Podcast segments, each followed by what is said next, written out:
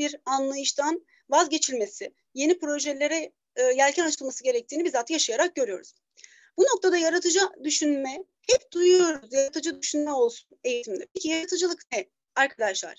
Yaratıcılık sorunlara, bozukluklara, bilgi eksikliğine kar karşı koyup uyumsuzluğa karşı duyarlı olma, güçlüğü tanımlama, çözüm arama, tahminlerde bulunma. Kısacası bir problemi ortadan kaldıracak farklı düşünceler ortaya atmaktır. Özellikle eğitimde eğitim tarihine, felsefesine baktığınızda Rogers'ın bu sektöre el attığını ve eğitimin kalıplaşmış bir düzenden, tutucu ön yargılardan uzaklaşarak bağımsız bir şekilde gelişmesini teşvik etmesi için çalışmalarda bulunduğu görülmüştür.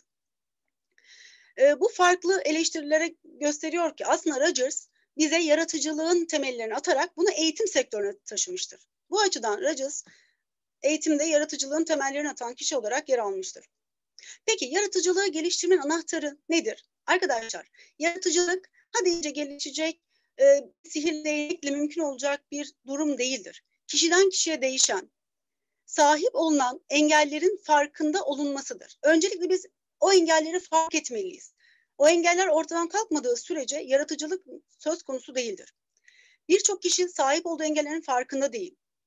En önemlisi de farkındalık. Hep diyoruz ya eğitimde farkındalık önemli. İşte biz farkında olmadığımız sürece ne bireyleri geliştirebiliriz ne onların yaratıcılık güdülerini geliştirebiliriz. Peki bu engeller neler? Bu engelleri Rogers beş başlıkta toplamış. Algısal, duygusal, kültürel, çevresel, entelektüel. Öncelikle algısal. Arkadaşlar bir problemi açıkça fark edip ondan sonra işe başlamalıyız. Yani yaratıcılığın ortaya çıkması için aslında bir problem olması gerekiyor. Bizi bir ateşleyecek bir şey, bir etken olması gerekiyor. İşte burada algısal basamak karşımıza çıkıyor.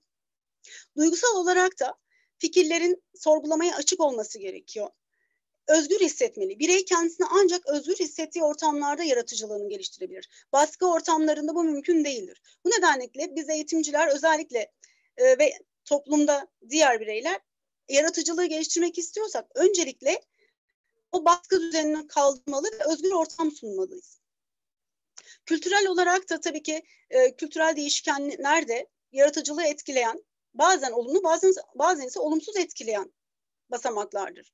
Eğer tabular, mitler söz konusuysa ve özellikle kabile hayatına baktığımızda onlarda çok fazla yaratıcılık mümkün değildir. Çünkü tabularla yönetilirler ve mitlere bağlıdırlar. Dogmatik bilgilerin olduğu yerde ise yaratıcılıktan, yaratıcı fikirlerden söz edilemez. Kültür olarak da biz eğitimde bunu eğer istiyorsak, gerçekten yaratıcılığı yaratıcılığı geliştirmek istiyorsak öncelikle bu tabuları, dogmatik düşünceleri bir kenara bırakıp yara, e, bireylere yaratıcı ortamlar sağlamalıyız. Çevresel, eğer birey kendisini fiziksel ve sosyal olarak rahat hissetmiyorsa o ortamda da kesinlikle yaratıcılıktan söz edilemez. Bu nedendir ki zaten baktığınızda bizler okulları e, veya büyük şirketleri bireylerin yaratıcılığını geliştirecek şekilde dizayn etmeye ağırlık veriyoruz. Özellikle son dönemde Türkiye'de yapılan e, ve özellikle eğitim alanında yapılan çalışmalara bakıldığında çevresel, öğrencinin kendini rahat hissedeceği, fiziksel ve sosyal ortamlar hazırlanmaya başlandı. Bu aynı şekilde şirketlerde de. Zaten bu bütündür. Yani yaratıcılık hayatın her alanında olmazsa olmaz bireyin gelişmesi için gereken bir temel şarttır.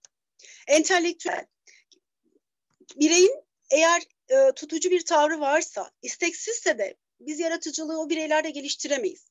Biz bireylerin gelişmesini, yaratıcılığını kullanmasını istiyorsak onların o e, ön yargılarını kırmamız gerekiyor. Öncelikle yaratıcılığın onlar için ve içinde bulundukları e, dünya için gerekli olduğunu kabul ettirmeliyiz. Biz eğer gençlere yaratıcı öğrenme ortamı sağlamak istiyorsak, onların gerçekten ezberci ortamdan çıkıp beyinlerini kullanarak yeni şeyler üretmelerini istiyorsak, deneyimlere ve yenilikçi düşünmeye imkan veren ortamlar kurmalıyız bir denge kurmak zorundayız aslında. Ve e, özellikle eğitim boyutundan ele alıyorum. Çünkü son zamanlarda bu pandemi de zaten bize gösterdi ki farklı bir boyuta geçiyoruz. Artık bir farkındalık söz konusu. Artık e, kalıplaşmış bazı basma kalıp bilgilerin yok olması gerekiyor ve farklı metotlar kullanılması gerekiyor. İşte aslında bu noktada bize şunu gösteriyor değişen dünya. sosyokültürel yapılar, yaratıcılık hayatımızın her alanında olması gerekiyor. Ki özellikle e, gelecek nesillere olacak bireylerin yani çocukların da bu noktada kesinlikle yaratıcı bir şekilde yetişmesi gerekiyor. Britanya Yaratıcı ve Kültürel Eğitim Ulusal Dayan, e, Danışma Kurulu'nun hazırlamış olduğu işte bir rapor var. Bu rapor Geleceğimiz Yaratıcılık, Kültür ve Eğitim adlı bir rapor var. Bu rapora göre geniş ve dar anlamda deneysel etkinliklere odaklanın ve açıkçası bu etkinlikler hayatımızın her alanında olmalı. Ne demek istiyor bu raporda? Birey risk almayı göze alacak. Yani birey eğer risk alırsa yaratıcılığını geliştirmiş olacak.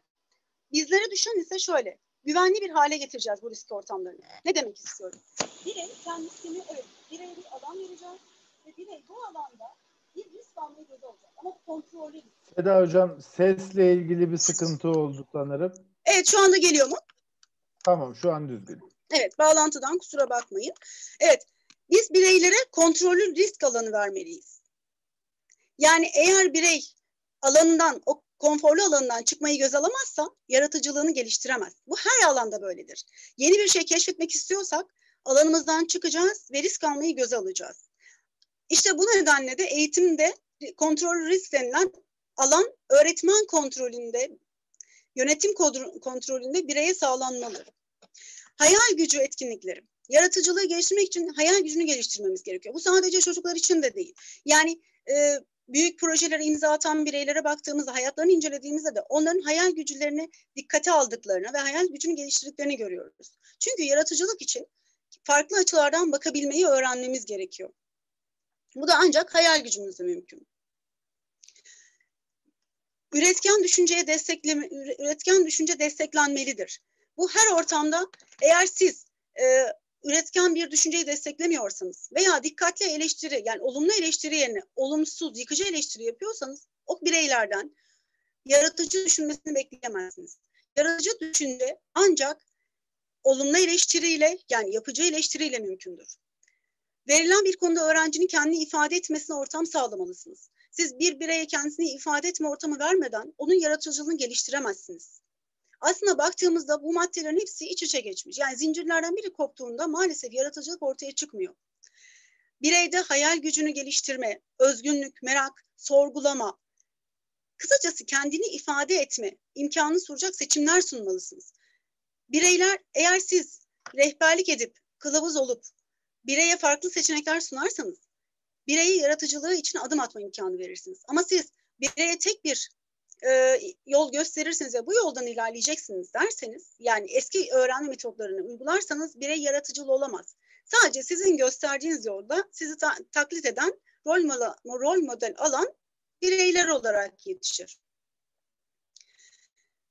Bu arada problemin çözülmesine yardımcı olabilmek için de bireye yaratıcılığını geliştirmek için zaman vermek zorundasınız. Yani evet çocuklar hadi 40 dakikanız var hemen 10 dakikada yaratıcılığınızı kullanın diye bir şey söyleyemezsiniz. Yaratıcılık bireyden bireye değişir. Bizler bireylerin yaratıcılığını eğer gerçek anlamda, kalıcı anlamda geliştirmek istiyorsak onlara uygun zamanı vermek zorundayız. Bu kimine göre 10 dakikadır, bu kimine göre 15 dakikadır. Hiç fark etmez. Ama bireylere bu hakkı vermek zorundayız. Çünkü birey öncelikle az önceki beş saydığım beş faktörü devreye sokacak ve ondan sonra kendini rahat hissettiğinde düşünme boyutunu gerçekleştirecek. Yara, yaratıcı düşünmede farkındalık çok önemli.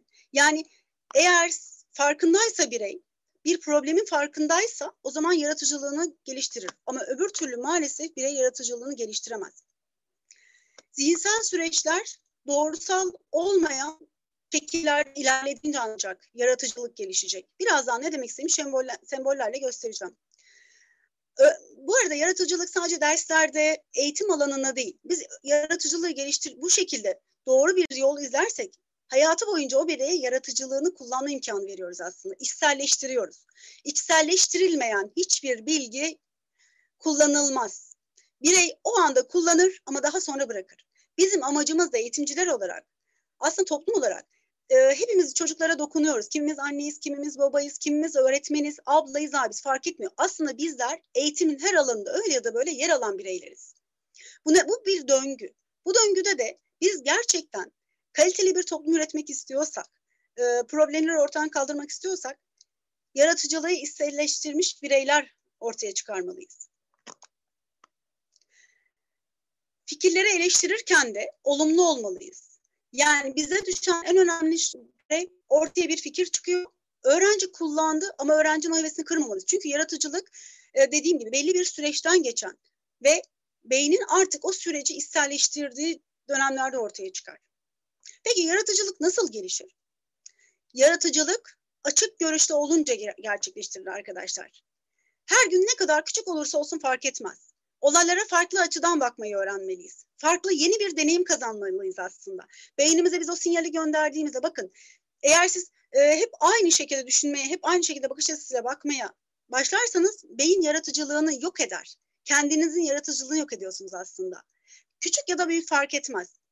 Yeni deneyimler sunmalıyız beynimize. Beyin gelişmeye açık bir varlık ve bizim onu geliştirmemiz gerekiyor. Alıcı, bir etki tepki olmak zorunda. Bu nedenle de orijinal fikirler üretmeliyiz. İlk zamanlar küçük olabilir, hayatımızla alakalı, günlük hayatla da olabilir, hiç fark etmez. Yeter ki açık görüşlü olalım. Çeşitlendirmemiz gerekiyor. Yani problemin bir tane çözümü vardır ama biz o problemin e, farklı yönlerden çözümünü bulabilmeliyiz. Olaylara farklı pencerelerden bakabilmeliyiz. Eğer tek bir penceremiz var ve milyonlarca problemimiz varsa işte o zaman bizim çıkmazda olduğumuzun göstergesidir. Bir sürü problem var ve biz bunu ne yapacağız? Farklı bakış açılarıyla ortaya koyacağız. Kültürel deneyim de bu noktada çok önemli arkadaşlar. Yani bizler fikir alışverişinde bulunuyoruz ya ve grupları halinde çalışıyoruz. Birbirimizi geliştiriyoruz. Bakın örnekteki gibi şu anda birbirimizle ne yapıyoruz? Bir sunum yapıyoruz. İşte biz aslında kültürel deneyimlerimizi paylaşıyoruz. Farklı bakış açıları kazandırmaya çalışıyoruz. Bu noktada çeşitlendiriyoruz aslında kendimizi. Ve doğru yanıt aramaktan vazgeçmeyeceğiz, vazgeçmeliyiz. Yani matematik problemi çözmüyoruz. Yaratıcılık e, matematik problemi çözer gibi iki kere iki dört şeklinde ele alamazsınız. Birçok doğru yanıt var ve o doğru yanıtlardan en iyi olanı seçmeye çalışıyoruz. Zihin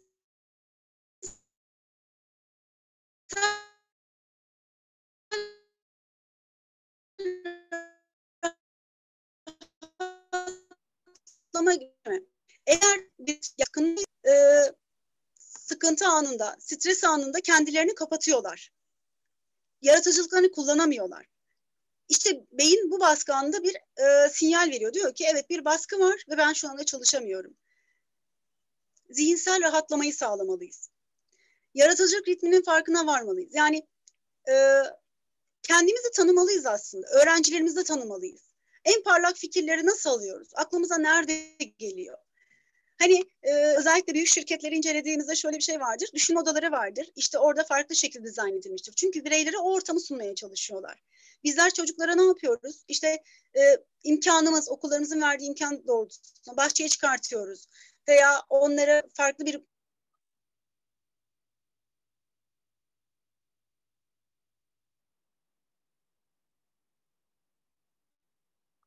Seda Hocam.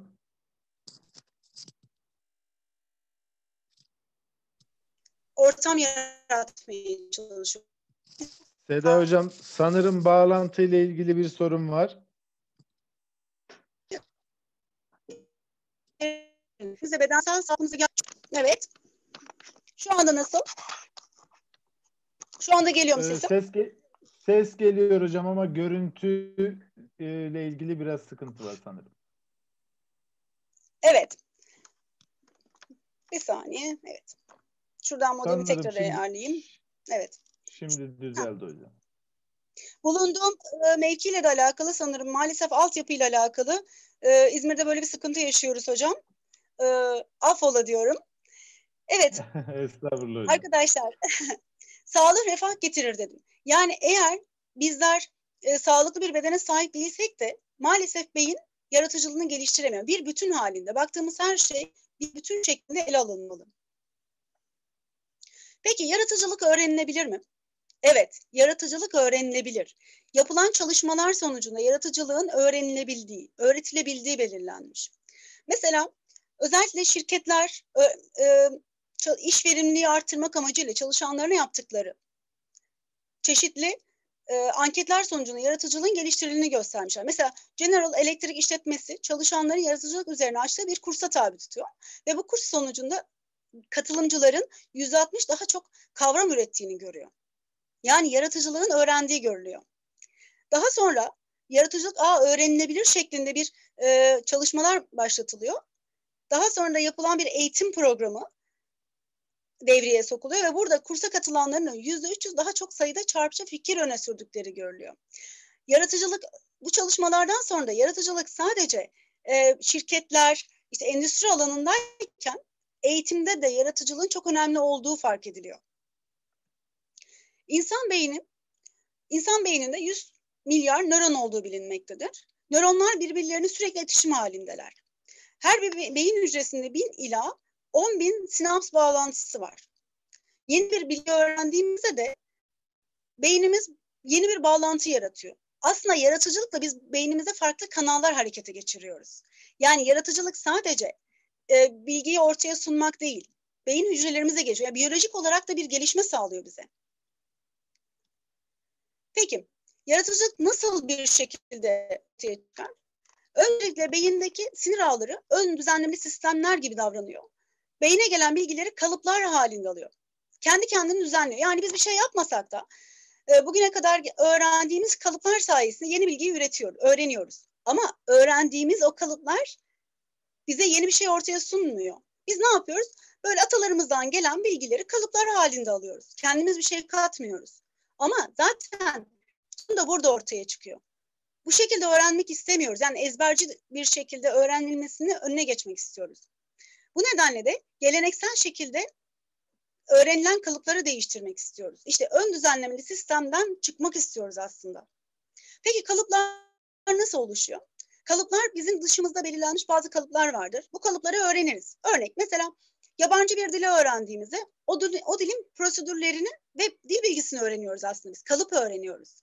İşte bir kuruluşa katıldığımızda o kuruluşun e, prosedürlerini ya da bürokrasisini öğreniyoruz. Yine bir kalıp öğreniyoruz. Bir şey katmıyoruz. Kişisel deneyim yoluyla kendimiz için oluşturduğumuz kişisel kalıplarımız da var. E, bir bebek mesela bir bebeğin büyürken hem dil gibi önceden oluşturmuş kalıpları öğreniyor bebekler hem de kişisel kalıplar oluşturuyorlar. Ve bizim bilgi ve de tecrübelerimiz ne kadar artarsa sahip olduğumuz kalıplar da o kadar güçlü hale geliyor. Peki bu kalıplardan çıkıp düşünce akışını nasıl sağlıyoruz? Belli bir zaman süresinde elde edilen deneyimler sonucunda olaylara belli bir bakış açısı geliştiriyoruz. Yani biz be belli bir kalıplar var, aldık. O kalıplar sayesinde bakışlarımız gelişiyor. Olayları o şekilde değerlendiriyoruz. Düşünce akışı da bu kalıpların oluşturduğu ana yollar sayesinde ilerliyor. Bu şekilde eğer biz yaratıcılığımızı kullanmazsak bu ana yollar üzerinden geliş gidiş sağlanıyor. Yani hiçbir şekilde şu anda yaratıcı devreye girmedi. Peki burada anahtar noktalarımız neler? Yenilik bir süreç. Bakın yenilik süreç, yaratıcılık ise bu süreci mümkün kılan beceri. Eğer siz yaratıcılığınızı geliştirip beceri kazanamazsanız yenilikçi bir süreç elde edemezsiniz. İnsan beyni bilginin kendi kendini düzenlemesi esasına göre çalışır ve kalıplar oluşturur. Bu kalıpları kıramazsanız sadece bu kalıplar çerçevesinde kısır döngüde düşünürsünüz. Düşünce akışını ana yollar üzerinden gösterirsiniz ve yine yaratıcınızı kullanamazsınız. Bizim burada amacımız aslında ana yolları yani yanal düşünmeyi devreye sokmak. Peki yanal düşünme nedir? Nasıl gerçekleşir? Eğer mesela örnek veriyorum. Biz ana yollardan çıkarsak, yanal yollara saparsak yani yanal düşünmeyi gerçekleştirirsek yaratıcılığımızı başlan, başlatmış oluyoruz kalıplar hareket e, kalıplar arasında hareket ettiğimizde yaratıcı düşünmüş oluyoruz. Ne demek istediğimi örnekle göstereyim. Yaratıcılık olmasaydı ilerleme olmazdı. Baktığımızda toplumları e, hani diyoruz ya işte toplumun önderi, toplumun lideri. Bu kişiler yaratıcılıklarını geliştiren kişilerdir. Yani yaratıcı fikirler ortaya atmışlar ve toplumları peşinden sürüklemiştir. Bizim de amacımız o aslında fark yaratmak. Siz eğer fark yaratmaz, kalıplar çerçevesinde düşünürseniz standart bireyler olursunuz. Ama bizim günümüzde standart bireyler olarak gelişmemiz, geliştirmemiz mümkün değil. Fark yaratmalıyız. Bunu da nasıl yapacağız? Yaratıcı düşünceyle. düşünceyle. Kışkırtma çok önemli yaratıcı düşünmede. Yani bir olay olacak ve bu olay bize diyecek ki farklı bir şekilde düşünmen gerekiyor. O anda bizi kalıplardan çıkartıyor aslında. Bu kışkırtma farklı şekilde oluyor. Kaçma. Mesela eğer birey içinde bulunduğu durumdan sıkılıyorsa veya olumsuz bir şekilde etkileniyorsa kaçmak istiyor. Hemen kalıpların dışına çıkıyor aslında. Bu bir kışkırtmadır. Beyni kışkırtıyoruz biz onda. Farklı düşün. Sinyali yolluyoruz. Tersine çevirme. Burada özellikle e, öğrencilere söylediğimiz ters bir mantık yap. Ters şekilde düşünsen ne yaparsın? Hani özelden genele, genelden özele şekilde. Biz bunu aslında eğitimde kullanıyoruz. Bilinçli ya da bilinçsiz şekilde eğitim sistemimize yer alıyor. Ama maalesef yeteri kadar kullanamıyoruz. Bunu yayamıyoruz, bunu içselleştiremiyoruz öğrencilerimize. Abartma. Eğer siz bir durumu e, farklı bir şekilde abartırsanız yaratıcılığını kullandırırsınız bireylere. Ne demek istiyorum? Bunu biraz açmak istiyorum. Yani e, bir ortama girdiğimizde gözümüzde daha en büyük olan cisimler ya da küçük cisimler çarpar değil mi? İşte yani yarat ne yapıyor? Orada beyin diyor ki bak bu farklı. Biz farklılığı yakalıyoruz. Yine beynimize diyoruz ki aa bak burada farklı bir şey var. Bir kalıp oluşturuyoruz. Hayal kurma. Kesinlikle hayallerimizle sınırlandırmayacağız. Yani eğer şöyle olsaydı nasıl olurdu şeklinde kalıpları zorlamamız gerekiyor. Eğitimde çok kullanırız. Rastgele sözcük tekniği en basit yanal düşünmedir. Önceden hazırlanmış bir kelime listesi yapılır. Ve, ve bu genelde 60 kelimedir. Çünkü e, bir dakikayı aşmayacak bu kelimeler. Saatimizin saniye göstergesine bakarak da o listeden kelimeler seçeriz. Ve öğrenciye aslında biz bir kışkırtma sunuyoruz. Evet bu kelimeyle ne anlıyorsun diyoruz ve beyin farklı bir kalıp oluşturmak zorunda kalıyor. Mesela yalan düşünme nasıl işler? Örnek veriyorum. Şimdi eğer siz evinizden çıktınız, işe gittiniz, işten gelirken arabanızda değil de bir arkadaşınıza dönmek istiyorsunuz. Arkadaşınız da sizi her gün kullandığınız yoldan çok farklı bir yere bıraktı. Siz ne yaparsınız? Her zaman A'dan B'ye giderken bu sefer C'den B'ye gitmek zorundasınız. İşte ne yaparsınız? Hemen farklı bir şekilde düşünürsünüz. Bir kışkırtma durumuyla karşı karşıyasınız aslında. Yani yaratıcılığı sadece eğitimle veya e, belli bir kalıplarla, belli sektörlere sınırlamak çok yanlış. Yaratıcılık hayatımızın her alanında kullanılıyor. Ama biz bunu içselleştiremiyoruz maalesef. Bu noktada da sıkıntı yaşıyoruz. İşte burada kışkırtma ne biliyor musunuz? Baktığımızda birey hep A'dan giderken bu sefer evet ekranı tekrar e, modeme bakayım ben. Evet. İşte bizler bu ada, ara konumlar diyoruz ya kalıplardan çıkıyoruz yanal düşünme gerçekleştiriyoruz. Bağlantı kurmamız çok önemli. Biz eğer bireylere o bağlantı, kışkırtma sürecini vermezsek yani biz süreci yöneteceğiz. Biz bireylere yaratıcı düşünmesini geliştirmek istiyorsak biz süreci yönetmemiz lazım. Süreci yönetmezsek, sağlıklı yönetmezsek yaratıcılığı geliştiremeyiz. Eleştiri ve yaratıcılık. Bu arada bir konuda eleştiri yaparken aynı anda fikir üretmek mümkün değil.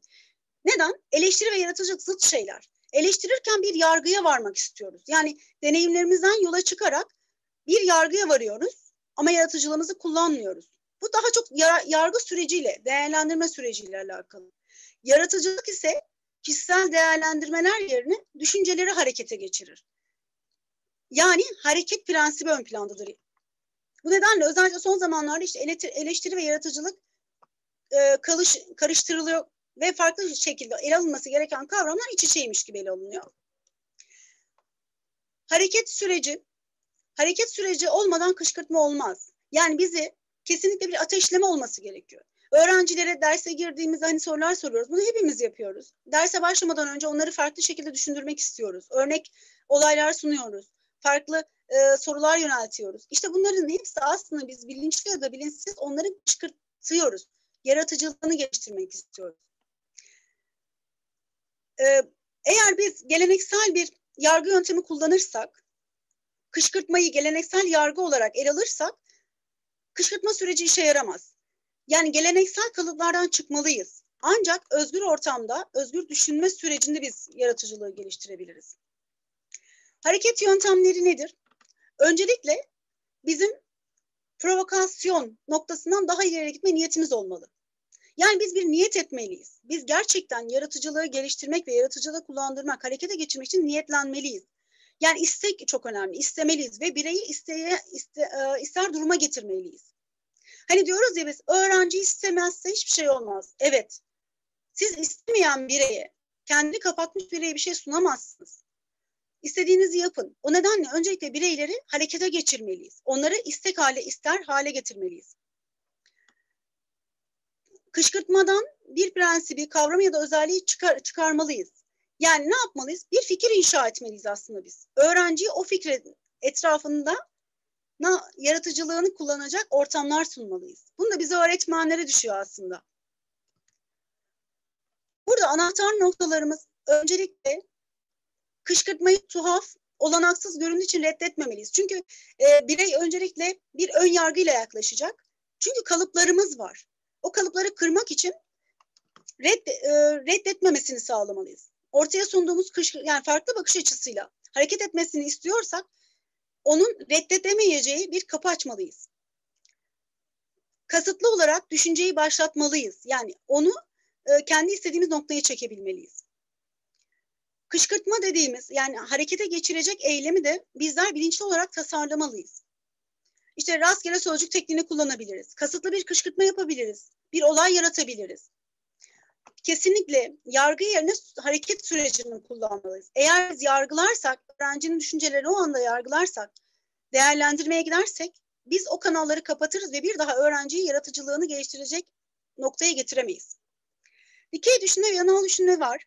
Özellikle yaratıcılıkta çok ele alınan dikey düşünme, örnek veriyorum. E, petrol aramak için açılan bir kuyuyu düşünün. Bu kuyuyu eğer siz e, derin bir şekilde kazmak istiyorsanız bu dikey düşünme. Tek bir noktadan hareket ediyorsunuz. Size gösterilen şekilde davranıyorsunuz. Yaratıcılık yok. Ama siz e, farklı noktalarda petrol aramayı öğretmek istiyorsanız petrol aratıyorsanız işte yanal düşünme. Yani yaratıcılığını kullandırıp bireye farklı bakış açıları kazandırmaya çalışıyorsunuz.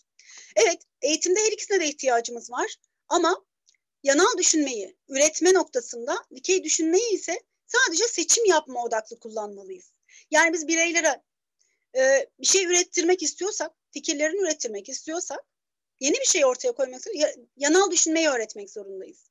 Ama e, sadece seçim yapmasını istiyorsak, değişken sunmadan bunu dikey yöntemle, dikey düşünmeyle gerçekleştirebiliriz. Peki inovasyon nedir? Özellikle inovasyon e, tarihiyle hakkında bilgi vermek istiyorum. İnovasyon bugüne kadar yani son e, 10-15 yıla kadar her zaman endüstri sektöründe kullanılmıştır. İşte daha çok kaliteli ürün almak, daha az iş gücü, çok fazla kazanç.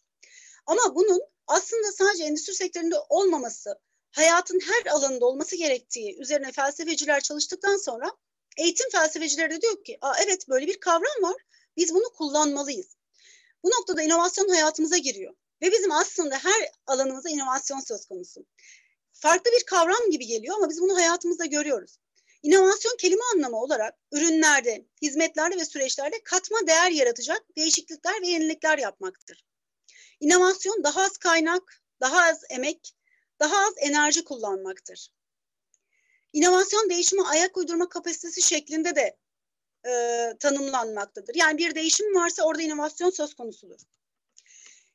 Peki dünyada bu kadar ses getiren bu kavram Türkiye'de ne zaman ortaya çıktı? Türkiye'de 2000'lerin ortalı orta 2000'lerin yıllarından itibaren inovasyon üzerine değinilmeye başlandı. Özellikle dediğim gibi öncelikle sanayi sektöründe el alındı. Çünkü e, hayatımıza sanayi devrimiyle girmiş bir kavram. Daha sonra 50 yıl aşkın bir süredir de ciddi araştırmalar yapılıyor inovasyon üzerine. Nasıl kullanılabilir, nedir, amacı nedir? İnovasyon ilk defa ekonomist ve politika bilimcisi Joseph tarafından kalkınmanın itici gücü olarak tanımlanmıştır. Oslo kılavuzu inovasyon dört başlık altında ele alır. Evrensel bir kılavuz, kılavuzdur Oslo kılavuzu. E, bu nedenle de şu anda bizler aslında inovasyonu Oslo kılavuzu çerçevesinde ele alıyoruz. Ürün inovasyonu e, yeni veya özellikleri ya da kullanım amaçları açısından önemli ölçüde geliştirilmiş, iyileştirilmiş bir mal veya para, hizmetin pazara sunulması. Gördüğünüz gibi Oslo kılavuzu sanayi devriminden ortaya çıkan bu inovasyon kavramını e, başlık altında alırken de yine aslında kullandığı terimler endüstri terimleri. Ama ürünle kastedilen aslında biz bunu e, eğitimde kullanacak olursak bu yerleşik yazılımlar, e, onun dışında bilgiler hepsi bunlar arkadaşlar e, bir üründür. Ortaya çıkan ürün. Bizim öğrencilerimizle yaptığımız o sınavların hepsi aslında bir ürün. Peki organizasyon inovasyon var. Özellikle firmaların kullandığı, iş yeri organizasyonlarında kullanılan e, inovasyon çeşididir yine. Pazarlama inovasyonu ürün tasarımında, ürün yerleştirmede, ürün e, promosyonunda çok kullanılan bir inovasyon çeşididir. Süreç inovasyonu yeni veya önemli ölçüde geliştirilmiş üretim ya da dağıtım yönteminin uygulanmasıdır. Yani bize aslında öncelikle ürün ve süreç yönetimi e, noktasında inovasyonu çok kullanıyoruz biz eğitim noktasında. Ne demek istiyorum? Öncelikle inovasyon aslında e, şirketlerde görünüyor ama dediğimiz gibi hayatımızın her alanında var. Öncelikle inovasyonda da belli adımlar var. Bu, bu adımlar çerçevesinde ancak biz inovasyondan bahsedebiliriz. Farkındalık. Öncelikle inovasyonun ne olduğunu bilmeliyiz. Yani bunu bilirken e, şirket yönetimi ve çalışanları tarafından anlaşılması gerekiyor. Yani bunu kullanacak bireyler, eğitimciler ve öğrenciler olarak el alırsak anlaması gerekiyor. İnovasyon noktasında farkındalık sadece şirketin, sadece onu kullanan bir sektörün değil, toplumun refah seviyesini artıracak bir şekilde olması gerekiyor. Yani siz eğer inovasyonu sadece ben şirket olarak ele alacağım diyorsanız hayır orada bir inovasyon söz konusu değil. Toplumsal olarak yani bütünlük söz konusu burada. Mutabakat. Öncelikle siz inovasyonu eğer e, öğrencilerinize kullanacaksanız ya da yönetimle kullanacaksanız, nerede kullanacaksanız o kişilerin inovasyonla ilgili ortak karara varmasını sağlamalısınız. El birliği. Yani burada aslında dediğim gibi birlikte çalışmak karşımıza çıkıyor. Anlayış birliği. İşte eğitimde diyoruz ya biz hani eğitimde birlik. İşte bizim aslında e, dile getirdiğimiz kavramlar bunlar. Biz sadece mutabakat demiyoruz da işbirliği içerisinde çalışalım diyoruz. Bunu hep öğrencilerimize, velilerimize, arkadaşlarımıza söylüyoruz, yönetime söylüyoruz. Veya şirkette çalışıyorsak şirkette çalışanlar olarak dile getiriyoruz. İşte biz aslında işbirliğiyle hareket edelim diyerek inovasyonu mutabakat ayağına kastediyoruz. Strateji. E, strateji çok önemli. Öncelikle biz e, nasıl bir yöntem izleyeceğiz? Hangi basamakları uygulayacağız? Bu çok önemli bizler için. Biz eğer düzgün hamleleri, doğru basamakları geçmezsek, doğru bir strateji belirleyemezsek maalesef yarı yolda kalırız ve başarıya ulaşamayız. Sistem, sistem inovasyona hazırlık aşaması son adımdır. Sistem döngüsünü yönetmek için gerekli sistem kurulması gerekiyor. Sistem e, düzen çalışması için de inovasyonda fikirleri arasından şirket için en uygun ve stratejik olanı seçmeliyiz. Aslında biz sistemi kurarken en kullanışlı olanı seçmeliyiz. Yani yaratıcılığımızı kullanarak bize hangisi iyi onu bulmak zorundayız. Evet, inovasyon döngüsü Oslo kılavuzunda yer alan inovasyon döngüsü budur. Strateji, öncelikle fırsatları yakalamak zorundayız. Stratejik bir seçim yapmak zorundayız. Gerekli bilgileri edinmeliyiz. Yani kaynak toplamalıyız. Çözüm geliştirmeliyiz bir problem var ve biz buna çözüm yolları bulmalıyız. Yani yaratıcılığımızı kullanmalıyız. Uygulamaya koymalıyız, süreci işletmeliyiz ve öğrenme gerçekleştiriyor ve daha sonra bu döngü birbirini takip ediyor. İnovasyonda başarılı olmak için bilinmesi gerekenler var. Öncelikle inovasyon her şeyden önce kültürel bir konudur. Yani Türkiye'de uygulanan bir inovasyon başka bir ülkede tutmaz. O ülkenin gerçekten yapısını bilmelisiniz. Sosyokültürel yapısını, ekonomik yapısını bilmelisiniz ki siz sağlıklı bir inovasyon süreci elde edebilirsiniz. Risk almayı göze almalıyız. Yani değişimlere açık olmalıyız. Yaratıcılığımızı kullanmak için zaten bu gerekli. Zaten inovasyonla yaratıcının iş işe geçmesindeki en büyük faktör kullandıkları basamaklar bir. Yaratıcılığı geliştirmek ve inovasyon sürecini başlatmak için bireyi desteklemeliyiz başarıyı ödüllendirmeli ama başarısızlığı hoş görmeliyiz. Bakın siz eğer başarılı olan bireyleri ya da süreci desteklerseniz ama başarısızlığı e, eleştiri ya yıkıcı bir eleştiriden geçirirseniz o zaman orada bir inovasyon olmaz ve süreci kırarsınız aslında. Doğru açık bir etkin iletişim kurmalıyız. Eğer siz e, neyi istediğinizi, stratejinizi belirlediniz ama süreci yönetemezseniz, doğru bir şekilde iletişim kuramazsanız, açık olamazsanız da maalesef başarısızlığa uğrarsınız. En önemlisi de işbirliğine açık olmalıyız. Yani biz e, bunu eğitimde yapıyorsak öğrencilerimizle iş, işbirliği içerisinde olmalıyız. Şirketlerde yapıyorsak çalışanlarımızla. Yani yaratıcılığın ve inovasyonun aslında bir ekip işi olduğunu unutmamalıyız. Ve en önemlisi ölçülebilir hedefler koymalıyız. Yani bize inovasyon aslında bir sınavlarımızda yapıyoruz. Ölçülebilir hedeflerimiz var ve biz bunu yapıyoruz. Bilgiyi yönetiyoruz. Yaratıcılık ve inovasyon ilişkisi nedir? İnovasyon, yaratıcılık, uygulama ve faydadır aslında. Yani biz yaratıcılığı yapmazsak inovasyonu gerçekleştiremiyoruz. İnovasyon da yaratıcılık temelli ilerliyor. Yaratıcılık inovasyonun başlıca kaynağı. Yaratıcılık bireysel bir çaba, inovasyon ise takım çalışması. Yani biz bizim yaptıklarımız bireysel yaptıklarımızla beraber biz ne yapıyoruz? Aslında takım çalışması, inovasyonu harekete geçiriyoruz. Orijinal fikirler üretmek için bireyi destekliyoruz. Aynı zamanda çözüm üretmek için kullanıyoruz aslında. İkisi de çözüm üretmek için kullanılan kavramlar. Problemleri ortadan kaldırmayı amaçlıyoruz. Yani inovasyon süreci bir ihtiyaçla başlıyor. Bir ihtiyaç olmadığı sürece siz yaratıcılığı geliştiremezsiniz. Bir yaratı bir ihtiyaç ortaya atmalısınız. Programlar açısından düşünüldüğünde de yaratıcılık ve inovasyon sadece sanatla sınırlayamazsınız. Eğitim programlarında, tüm derslerde, disiplinler arası çalışmalarda biz bunları kullanmalıyız. İnovasyon orijinallik, farklılık, değiş, değişiklik, yenilik barındırdığı için aslında yaratıcı bir fikirle başlıyor. Burada önemli olan yaratıcı fikri yaşama geçirmek, içselleştirmek. Siz eğer e, içselleştiremezseniz bu sadece bir anlık bir şey olur ama maalesef hayatın diğer alanına yansımadığı için unutulmaya mahkumdur. E, ticari yani eğer inovasyon başarı getirmezse inovasyon değildir. İnovasyona mutlaka başarı olmak zorunda. Peki inovasyon dediğimizde hep yeni bir şey mi ortaya koymak zorundayız? Hayır. Ee, hazır ürünler kullanarak da biz inovasyonu gerçekleştirebiliriz. Aslında biz elimizdekileri kullanarak, e, bilgi birikimlerimizi kullanarak inovasyon yapabiliriz. İlla ki sıfırdan başlamamız gerekmiyor. Evet yaratıcılıkta yeni bir şey ortaya atıyoruz ama inovasyonda olanı kullanıyoruz.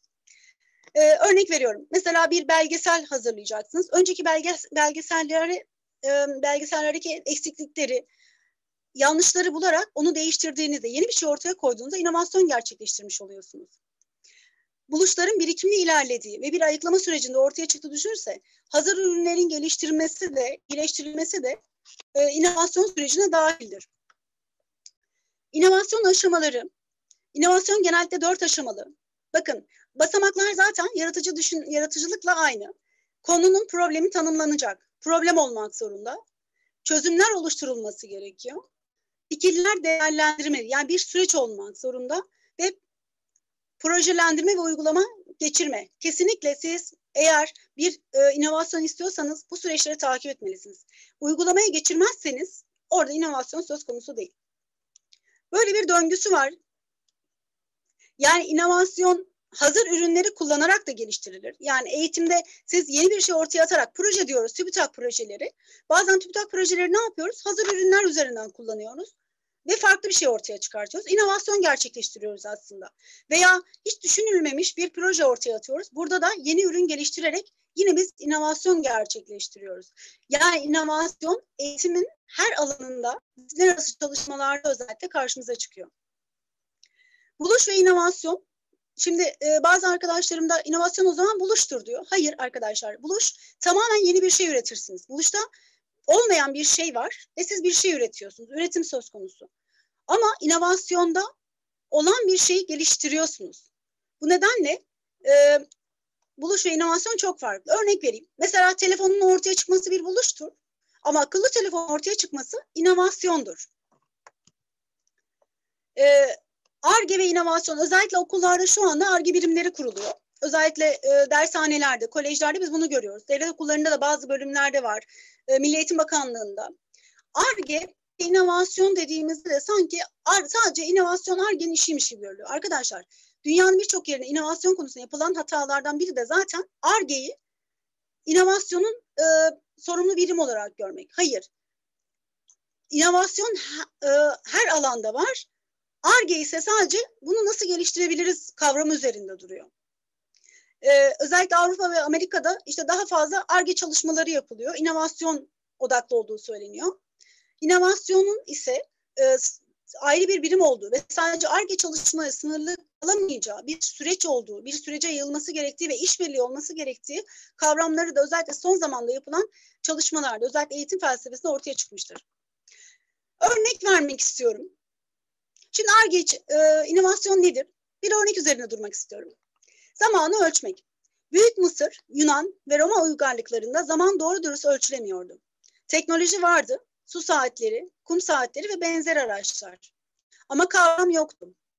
Günü 12 eşit saate, geceyi de bundan tümüyle ayrı olarak 12 eşit saate bölmeye çalışıyorlardı.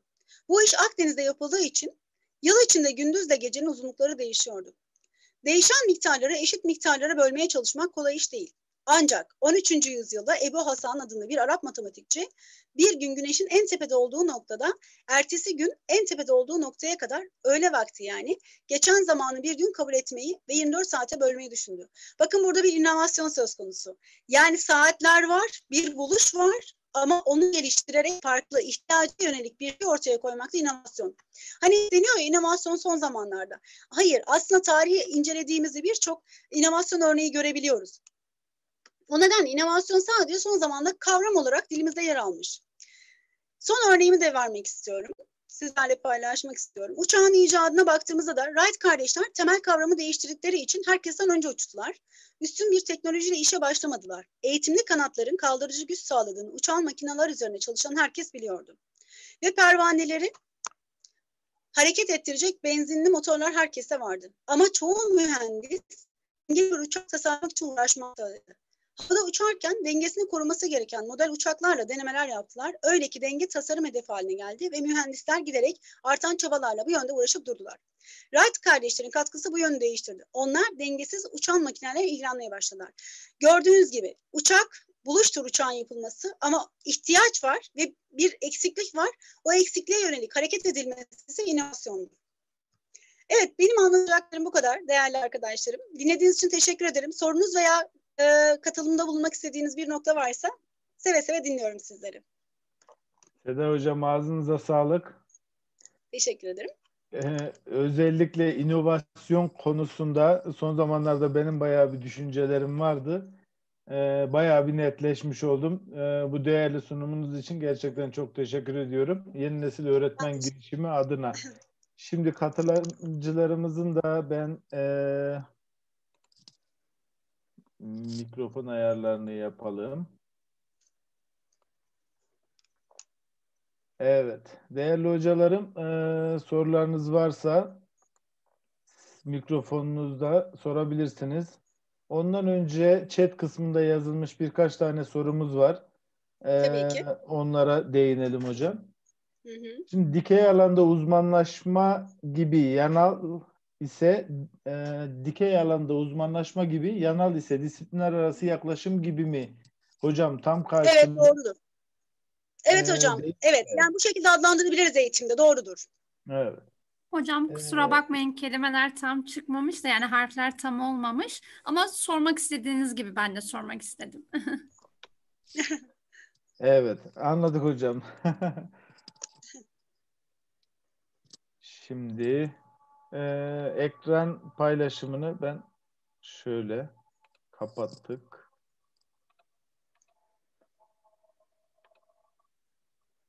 Seda Hocam, ekran paylaşımını durdurabilir misiniz? Tabii ki hemen pay e, durdurayım hocam. Whiteboard yapayım size.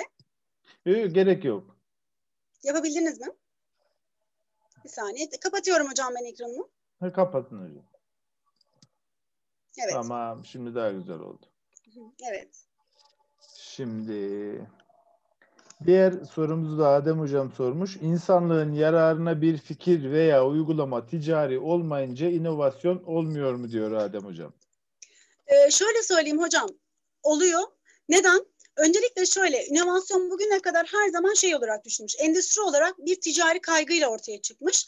Ama aslında inovasyonun yarat yani toplumun e, ve o kullanan bir, bireylerin yararına ol, olduğunda da inovasyon olduğu düşüncesiyle inovasyon yayılmış. Yani illa bir ticari kaygı olmak zorunda değil. Eğer siz yararlı bir bilgi de üretiyorsanız burada da inovasyon söz konusu. Az önceki uçaklardaki gibi ya da zamanı ölçmek için kullandığımız o saatler gibi.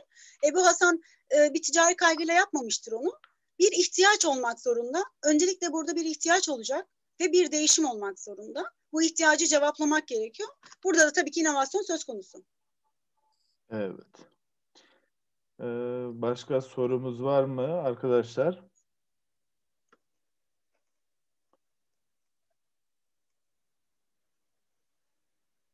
Sorumuz varsa alabiliriz. Seda Hocam ben sorayım. Tabii ki buyurun. ee, bir uzaktan eğitimci olarak hocam e, öğrencilerimizin yaratıcı düşünme becerisini geliştirmek için uzaktan eğitimden nasıl faydalanabiliriz? Nasıl etkinlikler yaptırmamız lazım? Ee, hemen şöyle söyleyeyim hocam. Öncelikle onları sürece aktif etmeliyiz. Yani ekrandan bireysel olarak işte ben PowerPoint açtım çocuklar. İşte bunu e, siz de paylaşıyorum. Bakın dinleyin şeklinde değil de hocam. Onları istediği biz onları istediğimiz şekilde e, düşündürmeye yönelik sorular sormalıyız. Soru cevap kullanmalıyız. Onun dışında be, e, altılı, altılı şapka düşünme tekniğini kullanabilmeliyiz. Yani öğrenciler o anda altılı şapka düşünme tekniği özellikle bu yaratıcılıkta çok kullanılan bir tekniktir. Siz de biliyorsunuz Sayın Hocam. Bu şekilde biz bunları kullanarak yaratıcılıklarını geliştirmiş oluyoruz. Bir de rastgele sözcük tekniği var. Ee, siz eğer mesela örnek veriyorum. Siz kitaplar konusunu işleyeceksiniz. Kitapları anlatan ve kitaplarla alakalı 60 tane kelimeyi bulup da çocuklara işte evet o, şu anda 10 e, örnek veriyorum 10 dediniz. 10. kelimeyi seçtiğinizde de çocuğa o onunla ilgili bir düşünme imkanı verdiğinizde orada yaratıcılığı geliştirmiş oluyorsunuz. Yani yaratıcılığı geliştirmek için çok büyük e, işte alete, araç gerece yok. Araç gerece e, ihtiyacımız yok. Biz öğrenciye doğru bir şekilde istekli hale getirip kılavuzluk etmeliyiz. Yani burada aslında biraz taşın altına elimizi koymalıyız. Evet, teşekkür ediyorum hocam. Rica ederim. Hülya hocam bizim sesimizi alabiliyor mu acaba? Bir grubumuzda sesinizi alamıyorum demiş. Hülya hocam, Hülya Karakaya sesimizi sanırım alamıyor. Funda hocamın bir sorusu var. Yaratıcılığın gelişimini nasıl gözlemleyebiliriz, nasıl ölçebiliriz diyor Seda hocam. Ee, öncelikle şöyle söyleyeyim. Ben halk bilimciyim. Eğer kendi alanımla ilgili örnek vereyim. Ben öğrenciyi hangi boyutta düşündürmek istiyorum? Öncelikle o süreci planlamalıyım. Daha sonra ortaya bir ürün çıkarmasını, yani bir proje düşünmeliyim. Dersimle alakalı. Örnek e, işte altın sınıf konusundan bir şey söyleyeyim. Mesela sıfatları anlattık ve sıfatlarla ilgili eğer çocuk farklı, e, bir işte kartonlardan olabilir veya elindeki araç gereçten olabilir. Farklı bir şekilde bir materyal üretebiliyorsa işte o yaratıcılığını gösteriyor. Yani öğrenci burada evet diyor ben anladım ve ben bu şekilde anladım deyip bize o bakış açısını gösteriyor. Bu şekilde geliştirebiliriz. Ee, matematik mesela fen dersinde çok kullanılır. Fen dersinde çeşitli makineler yapılır, basit makineler ve bu şekilde öğrenciye biz yolu gösteriyoruz ve öğrenci bakın dikkat edin öğrenciler farklı şekilde basit makineler yaparlar ama amaçları ve vardıkları nokta ortaktır ama farklıdır birbirinden. Çünkü her öğrenci oraya yaratıcılığını katmıştır. Bu şekilde görebiliriz.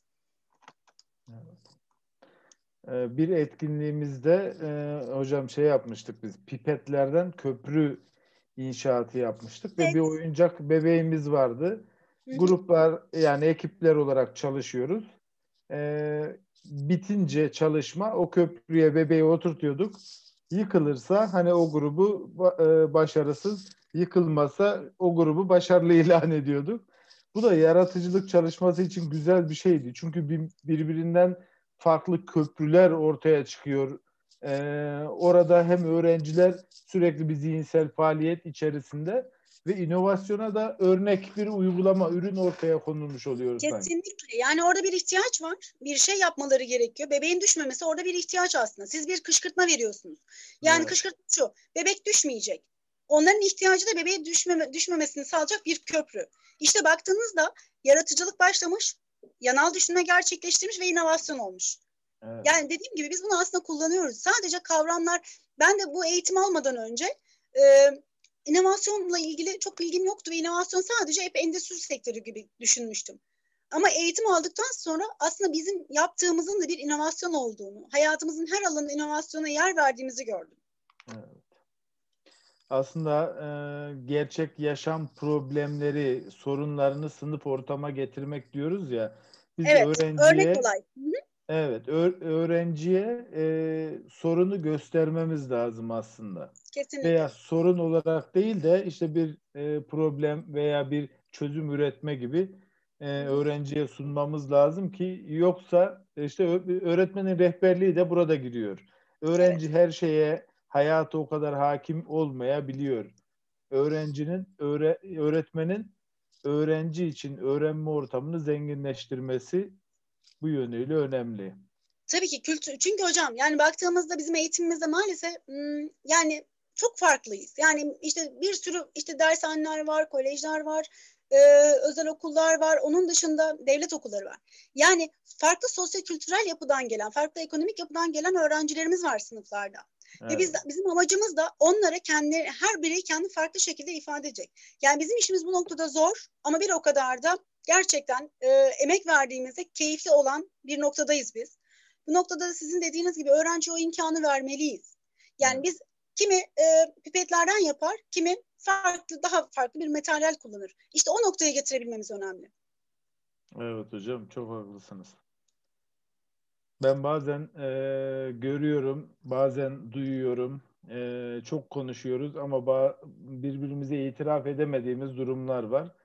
E, teknolojinin ya da 21. yüzyıl becerileri dediğimiz şeylerin sadece kitapta veya internette ondan bundan duyduğumuz ifadelermiş gibi yaklaşıp halen daha eski düzen e, sınıfını bir yerlere götürmeye çalışan e, hocalarımız da var maalesef yani. E, ben bu noktada biraz sisteme de hani eleştirmek istiyorum. Bu sistemin içindeyim ben de.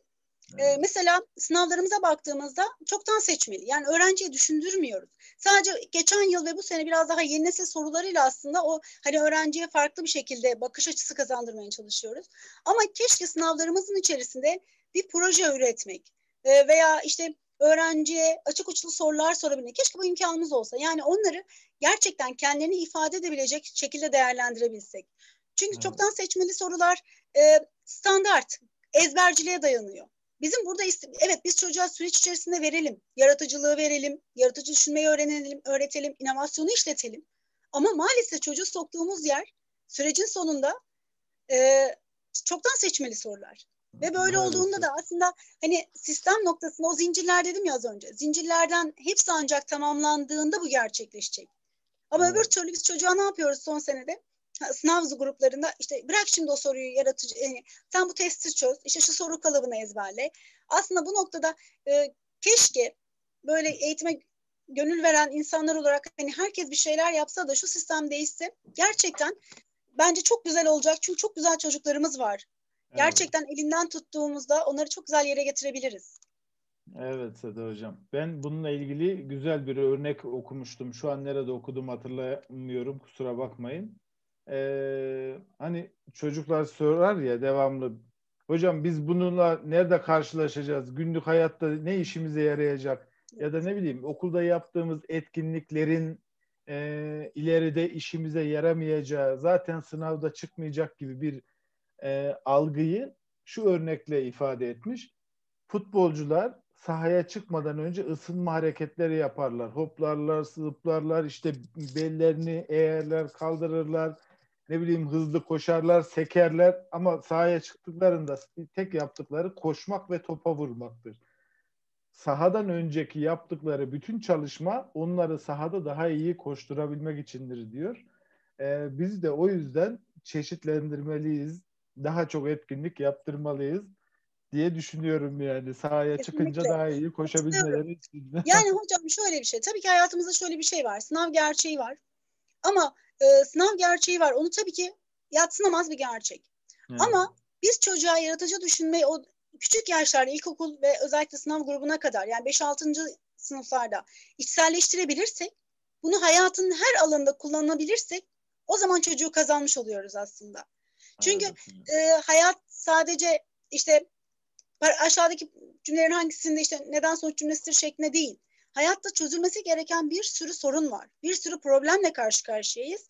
Ve biz yaratıcı bireyler olmazsak hani diyoruz ya bazılarımız işte e, nedir analitik düşünüyor. İşte biz aslında analitik düşünen bireyler olduğumuzda özel yaşamlarımızda da sorunları aşabiliriz. Evet. Seda Hocam çok teşekkür ediyorum. Ağzınıza sağlık derken Pınar Hoca'nın bir sorusu geldi. Ee, nasıl yapmak istersin sorusu öğreneni e, düşünmeye iter. Ha, soru değilmiş sanırım. Çok verim alınıyor gerçekten. Projeyi A'dan Z'ye oluşturup üretiyorlar. Aynı zamanda doğru aslında eğleniyorlar demiş. hocamın dediği gibi nasıl yap, nasıl yapmak istersin? Aslında işte Evet. bak bu çocuğa bir ortam sunuyoruz ve kendini gerçekleşmesi fırsat veriyoruz. Bu çok güzel bir soru. Ve projelerde zaten hep böyle başlar ya nasıl ne yapmak istiyorsun? Ne düşünüyorsun Tabii. şeklinde. Hı hı. Evet hocam ağzınıza sağlık. Çok teşekkür ediyorum bu akşam için. Ben de çok teşekkür ederim bize bu fırsatı verdiğiniz için hocam. Ee, katılımcı arkadaşlarıma da çok teşekkür ederim sayın hocalarım.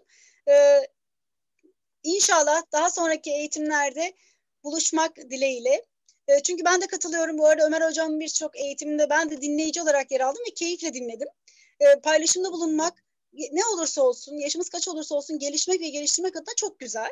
Çok şey öğreniyorum ve elimden geldiğinde naçizane de öğretmeye çalışıyorum. Sürçülisan ettiysem affola diyorum. Estağfurullah hocam. Çok teşekkür ediyoruz. Değerli hocalarım, değerli yönetici arkadaşlar varsa eğer aramızda eee, katıldığınız için, Perşembe akşamını bize ayırdığınız için Yeni Nesil Öğretmen Girişimi olarak teşekkür ediyorum. Herkese iyi akşamlar diliyorum. Görüşmeyi sonlandırıyorum. İyi akşamlar hocam.